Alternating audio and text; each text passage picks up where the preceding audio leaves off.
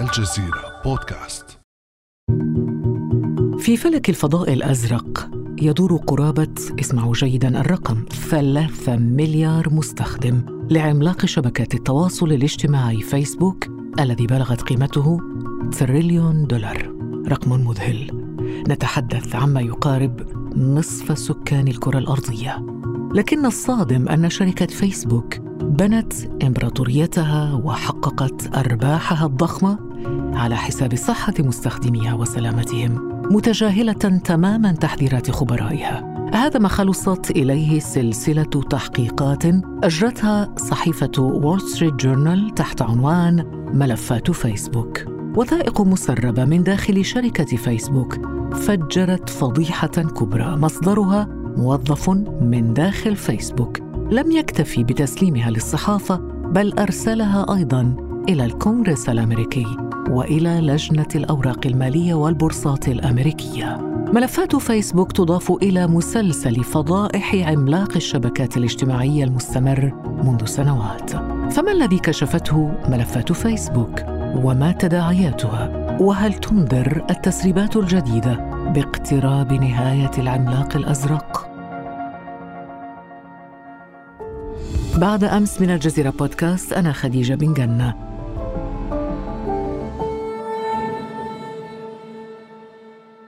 أسعد كثيرا بانضمام الدكتور محمد الأمين موسى من قسم الإعلام بجامعة قطر إلينا في هذه الحلقة. نرحب بك. صباح الخير دكتور. صباح الخير. مرحبا أستاذة خديجة. دكتور محمد موسى يبدو أنه هذا المسلسل لن ينتهي. مسلسل فضائح المنصة الاجتماعية الكبرى في العالم لن يتوقف و القصة مثيرة قصة ملفات فيسبوك. احكي لنا عنها. هذه الملفات هي جزء من التحديات التي بدأت تواجه فيسبوك كشركة وكمؤسسة ضخمة كمؤسسة لا مثيل لها من حيث مكوناتها من حيث عدد المشتركين فيها.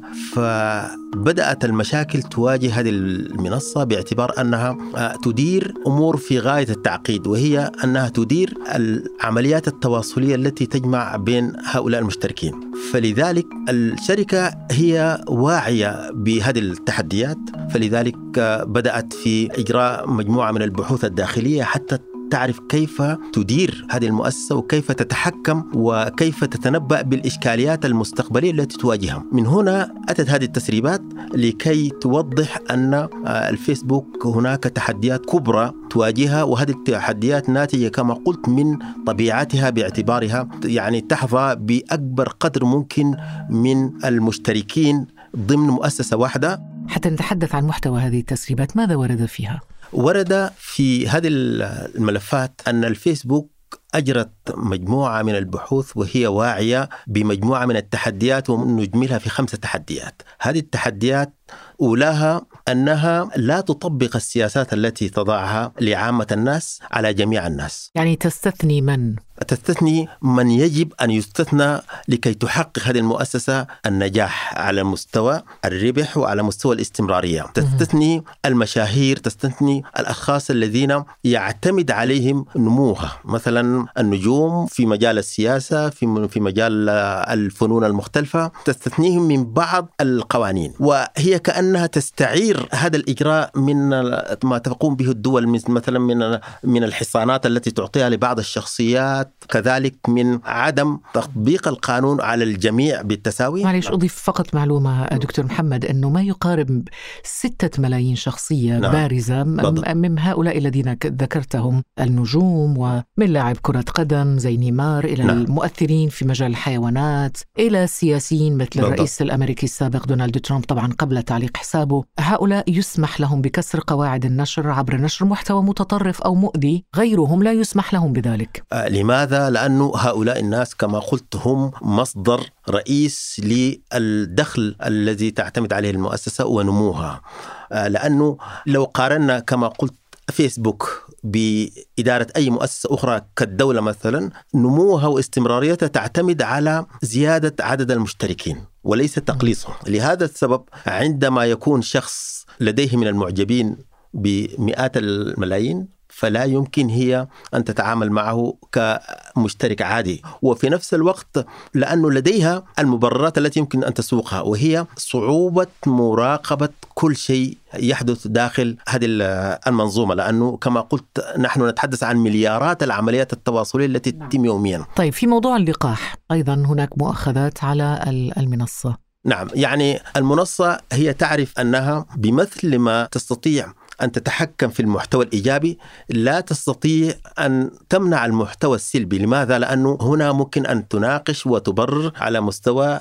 الرأي والرأي الآخر أو على مستوى حرية التعبير. لأنها هذه المؤسسة كأنها تسير على الحبل. لا تستطيع أنها تأخذ جانب إيجابي على الطرف المثالي دائما وتغفل الجانب الآخر بسبب ضرورة وجود الطرفين. فلهذا السبب هي تعرف أنها آه، بسياساتها بخوارزمياتها تمكن من يمكن أن يتسبب في أضرار يتسبب في مشاكل ولكنها لا تستطيع أو لا تريد هي أن تتخذ إجراءات تحد من نموها كمؤسسة. لكن ف... هذا هذا يؤثر أيضا على صحة المراهقين. يعني هناك جانب صحي مثلا له علاقة بصحة الناس النفسية والعقلية. في هذا الجانب بالذات يعني أوجه الاتهام لما تفعله الفيسبوك. بمعنى الفيسبوك تقوم ببعض آه، الأشياء التي لا توجد في الواقع. يعني مثلا عملية ال like وال dislike. يعني الإعجاب وعدم الإعجاب. هذا الأمر لا يوجد في الواقع. يعني في الواقع أنت بإمكانك أن تعجبي بشخص ولكن ليس من أن تبدي عدم إعجابك به. اذا ال dislike قد تتسبب في مشاكل نفسية للناس. يعني تخيلي أنت آه، يدخل عليك شخص مجهول الهوية أو حتى ربما صديق من لأنه لا يمكن أن يكون لديك خمسة آلاف صديق مثلا فعلي. فهؤلاء اصدقاء الشخص يدخل وتجدي بدل ما تجدي مثلا 500 آه، like تجدي معاهم 300 dislike. ال dislike يعطيك إحساس كأنه أنت غير مرغوب فيه كأنه هذا الشخص يشتمك لأنه في الواقع كما قلت لك الإنسان إما أن يبدي إعجابه أو يصمت. هناك أيضا آه، يعني مثلا على الإنستغرام تطبيق الصور يضر بالصحة العقلية حسب بحث داخلي. وجدت إنستغرام أنه من بين المراهقين البريطانيين الذين تحدثوا عن أفكار انتحارية 13% منهم أخذوها من تطبيق إنستغرام وهو مملوك لفيسبوك طبعا. تفسير هذه الظاهره هو أن الانستغرام نقلت الناس عامة الناس إلى حياة النجوم. النجوم لهم حياة خاصة لديهم إمكانيات تجعل علاقتهم مع الجسد هي علاقة صورة وليست علاقة واقع. بمعنى آخر أن النجوم هم لديهم الإمكانية أن يظهروا يوميا أمام عامة الناس من خلال نشر صور جميلة وتزداد جمالا. عندما يقوم بهذا الأمر الشخص العادي فهنا يواجه إشكالية كبيرة. وما ننسى أن جسد الإنسان هو جسد متحول يوميا. يعني من السهل جدا أنك تجد أناس يعجبوا بصورتك اليوم ولكن غدا لا تعجبهم الصورة نعم ولهذا و... وجدت الكثير الآن مئات من التطبيقات بالضبط. تنزل على الموبايلات لتجميل الصورة بالضبط. وتعديلها ورغم ذلك تبدو الإحباطات لأنه كما قلت لك هذه مسألة صناعة مم. يعني هي ليست سهلة أنه أي فتاة تظهر كأنها نجمة مثلا من نجمات هوليوود هذه المسألة فيها تعقيدات كثيرة جدا الكاميرات التي تستخدم الإضاءة التي تستخدم آه، رغم ذلك دكتور محمد فيسبوك لم تتخذ إجراءات قوية قوية وحاسمة تجاه كل ما ذكر وتجاه عمليات الاتجار بالبشر وتجارة المخدرات التي تنمو بشكل كبير عبر الموقع. الإجابة واضحة جدا وهي أن هذا الأمر سيدر بنمو الفيسبوك. والفيسبوك هي داخلة في منافسة قوية وشرسة جدا مع تطبيقات أخرى لأنه إحنا عندما نتحدث عن شبكات التواصل الاجتماعي هذه الشبكات تحصل على المال من خلال أو الثروة من خلال التواصل، هي لا تقدم منتج، هي لا تقدم سلعة مثل الشركات مثلا شركات البترول أو شركات السيارات أو الشركات التقليدية، هي لديها منتج وطالما إنه هذا المنتج جيد تستطيع أن تبقى في السوق، هي لا، هي تعتمد على التواصل الإنساني، فاذا مضطره إنها تستخدم الذكاء الاصطناعي ومضطره إنها تغض الطرف عن بعض الأشياء طيب إذا كانت تغض الطرف لماذا أصلا تجري فيسبوك هذه الدراسات؟ إذا كانت ستتجاهل نتائجها بالنهاية. هي ستتجاهلها ولكن لن تترك هذه الأشياء. هي تجد ستجد لها حلول والحلول في الغالب ستكون حلول خوارزمية حلول تكنولوجية. يعني ستحاول أن توظف أكثر في الذكاء الاصطناعي لأنه هي من مصلحتها أن لا تبقى هذه المشكلات. ولاحظنا هذا الأمر في دفاع مارك زوكربيرج عن هذه الشركة في كونغرس وهو في السنوات الأخيرة أصبح يواجه تحديات كثيرة ولكنه دائما يطور وهو الأكثر استثمارا في مجال الذكاء الاصطناعي حتى يجد إمكانية أن آه، يقلص أو يقلل من المشاكل أو خلينا نقول من التحديات التي تشكلها له هذه الظواهر. التواجد والتواصل من خلال الفيسبوك هو محفوف بالمشاكل يعني لا طيب يمكن المشاكل هذه ألا يفترض أن تفصل فيها مجالس موجودة داخل هذه الشركة الكبيرة؟ يعني ما دور مجلس الرقابة مثلا وهو هيئة مستقلة أنشأتها إدارة فيسبوك عام 2019 قبل سنتين؟ بوصفها نوع خلينا نقول مثلا مثل محكمة عليا للتعامل مع القضايا والإشكاليات المطروحة. هناك محاولات لكنها لا تنجح لأنه كما قلت لك آه، هذه الشركة تعرف أنها لا يمكن أن تحل إشكاليات 3 مليار نسمة إلا من خلال التكنولوجيا من خلال خوارزميات توظف في الذكاء الاصطناعي. وإلى أن تجد حلول لكل مشكلة تطرأ وهذا هو التحدي الذي تواجهه ال- ال- الفيسبوك. بمعنى آخر أنها تستطيع أن تقلص مثلا من عدد المحاولات التي آه، يقوم بها المجرمون سواء آه، الذين يتاجرون في البشر أو ال- الذين ينشرون محتوى غير لائق آه، يعني محتوى أخلاقي أو من يمارسون الكراهية ضد الآخر. فلكي توجدي آه، تكنولوجيا تستطيع أن تتعامل وتقلص من هذه الظواهر يحتاج إلى وقت. فلذلك نجد أنها تطور التكنولوجيا 2013 2014 2018 طورت خوارزميات جديدة بحيث إنه أه، دكتور محمد أنت ركزت قبل قليل على مارك زوكربيرغ. مارك يعني لن يضع موظفا وراء كل مستخدم. نعم. فالمسألة معقدة ولكن هناك مجلس إدارة وهو مجلس إدارة كبير بصراحة يعني يضم 20 عضو. بمن فيهم قادة سابقون حائزون مثلا على جائزة نوبل وشخصيات معروفة وذات وزن. مثلا توكل كرمان نعم. يعني وهي عربية ويمنية وحائزة على جائزة نوبل هؤلاء ديكور يعني مجرد مكياج أم ماذا يفعلون؟ هو في الغالب لأنه آه، هؤلاء يمكن أن يقدموا بعض الاستشارات ولكن كما قلت هذه الظاهرة ظاهرة الفيسبوك وغيرها من شبكات التواصل الاجتماعي هي ليست مؤسسات تقليدية تدار بالطريقة التقليدية. يعني هذه المؤسسات أساسا لا يمكن كان أنها تنجح إلا من خلال التكنولوجيا الرقمية. وهذه التكنولوجيا لها قوانينها لها آه، يعني تعقيداتها. على سبيل المثال آه، التكنولوجيا يمكن أن تساعد في فرز. يعني أنت لا يمكن أن تنظري في ملفات حتى لو قلنا لك فقط انظري في الاسم ملفات مثلا 10 مليون شخص. هذا الأمر لا يمكن. هي الآن عندها أكثر من 60 ألف هي موظف ومجموعة من الموظفين الذين يقومون بمراقبة المحتوى ومحاولة التقليص من المحتوى الضار. ولكن هذا الأمر كذلك يفوق قدراتهم. وهؤلاء نفسهم يعني جزء كبير منهم يعمل في ظروف يعني غير طبيعية ظروف ضاغطة جدا. لماذا؟ لأنه تخيلي أنك مهمتك أن تقومي بمراقبة وفرز المحتوى الغير مرغوب فيه. هذا المحتوى بيكون فيه مشاهد مؤلمة جدا فيه مشاهد قتل فيه محتوى غير أخلاقي. هذا نفسيا يؤثر على الموظفين أو الناس الذين يعملون في هذا الجانب. فاذا حتى الذين يعملون في الفيسبوك هم يواجهوا ضغوط كثيرة جدا على مستوى النفسي. نعم ربما لهم أولوياتهم لأنه هنا عندما نتحدث عن الخوارزميات التي شددت ويعني تغيرت فيما يتعلق مثلا بالمحتوى الفلسطيني هناك تركيز على المحتوى السياسي وغالبا الفلسطيني يأخذ مساحة أكبر من الموضوع الأخلاقي والقيمي المجتمعي. أكيد.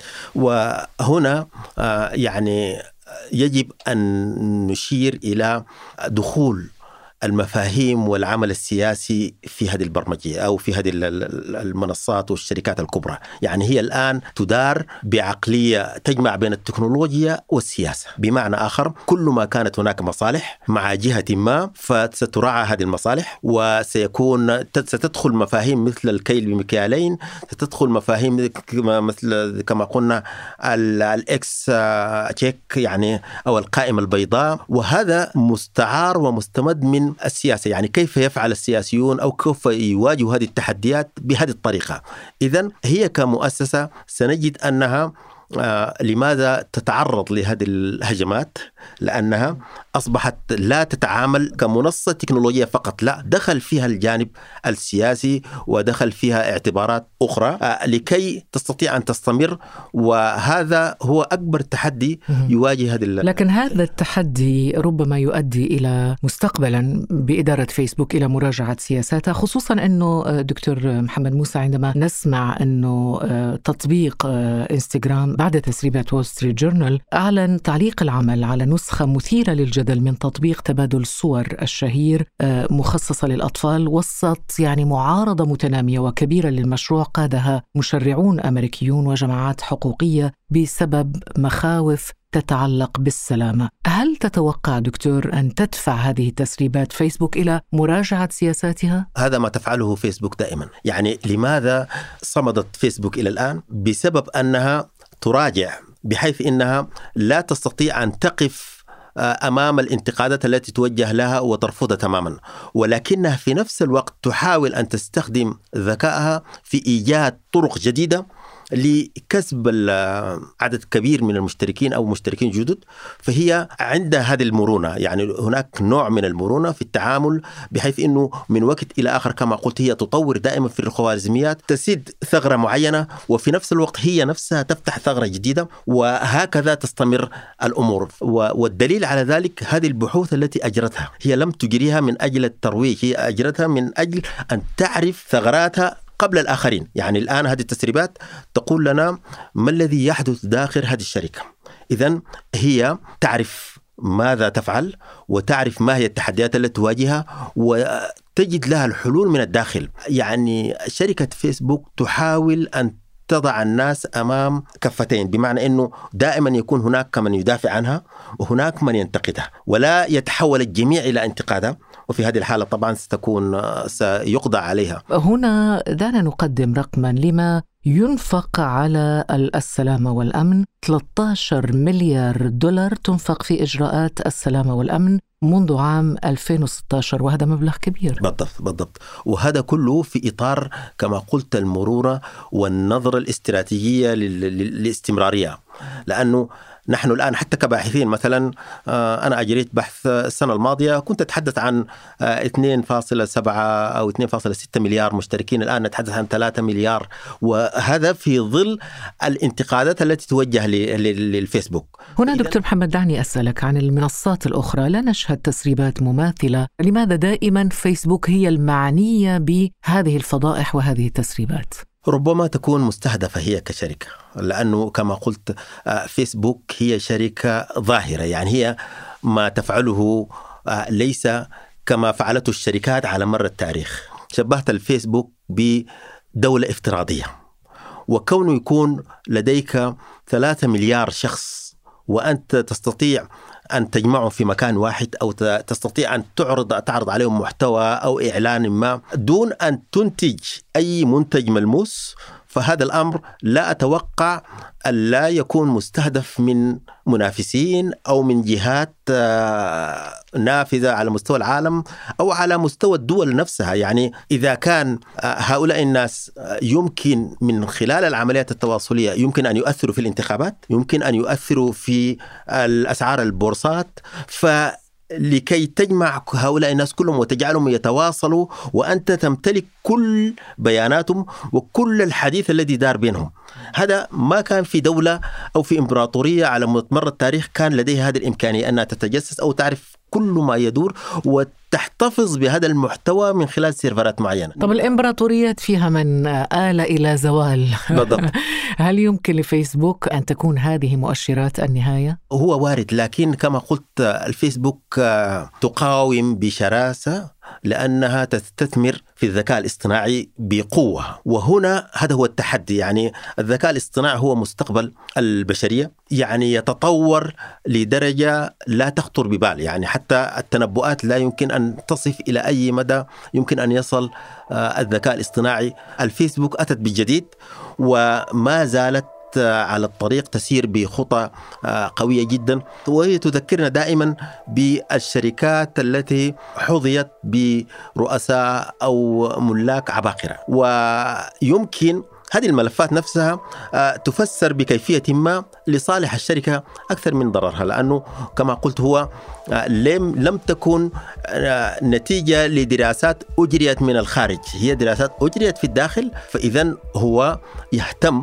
ويحاول أن يجد حلول وهذا هو السر في نجاحها لكن كما قلت نحن في عصر التكنولوجيا والتكنولوجيا دائما آه، يعني لا يمكن أن نتنبأ بمستقبلها. شكرا جزيلا لك الدكتور محمد لمين موسى من قسم الإعلام بجامعة قطر. شكرا لك. شكرا لكم. كان هذا بعد أمس.